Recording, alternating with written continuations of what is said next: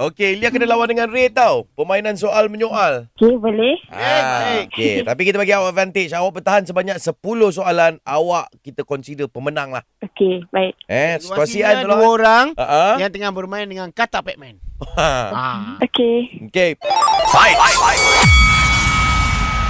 Uh, kata apa tu? Kata apa awak blur? Uh, tak tahu ke? Kenapa tak tahu?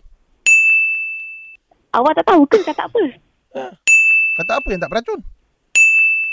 Ciberaka. Kenapa nak kena teka? Cuba lah teka kata apa yang tak beracun. Kenapa awak tunggang terbalik dengan soalan awak tu?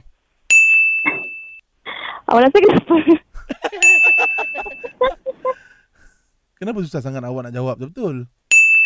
Um, Tak. alamak, alamak, alamak. tak boleh, tak boleh, tak boleh. Ah, tak Tak boleh. boleh dah. Kata, Eh, Tapi- oh kata, Dia- kenapa engkau lambat?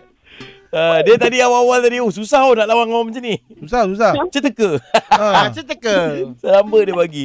Okey, silakan umumkan kemenangan Ray. Uh, re, re. Re. Oh, dege dege dege. dege. You win. Yelah. Alah, dia punya Yui pun comel. Ah, comel sangat.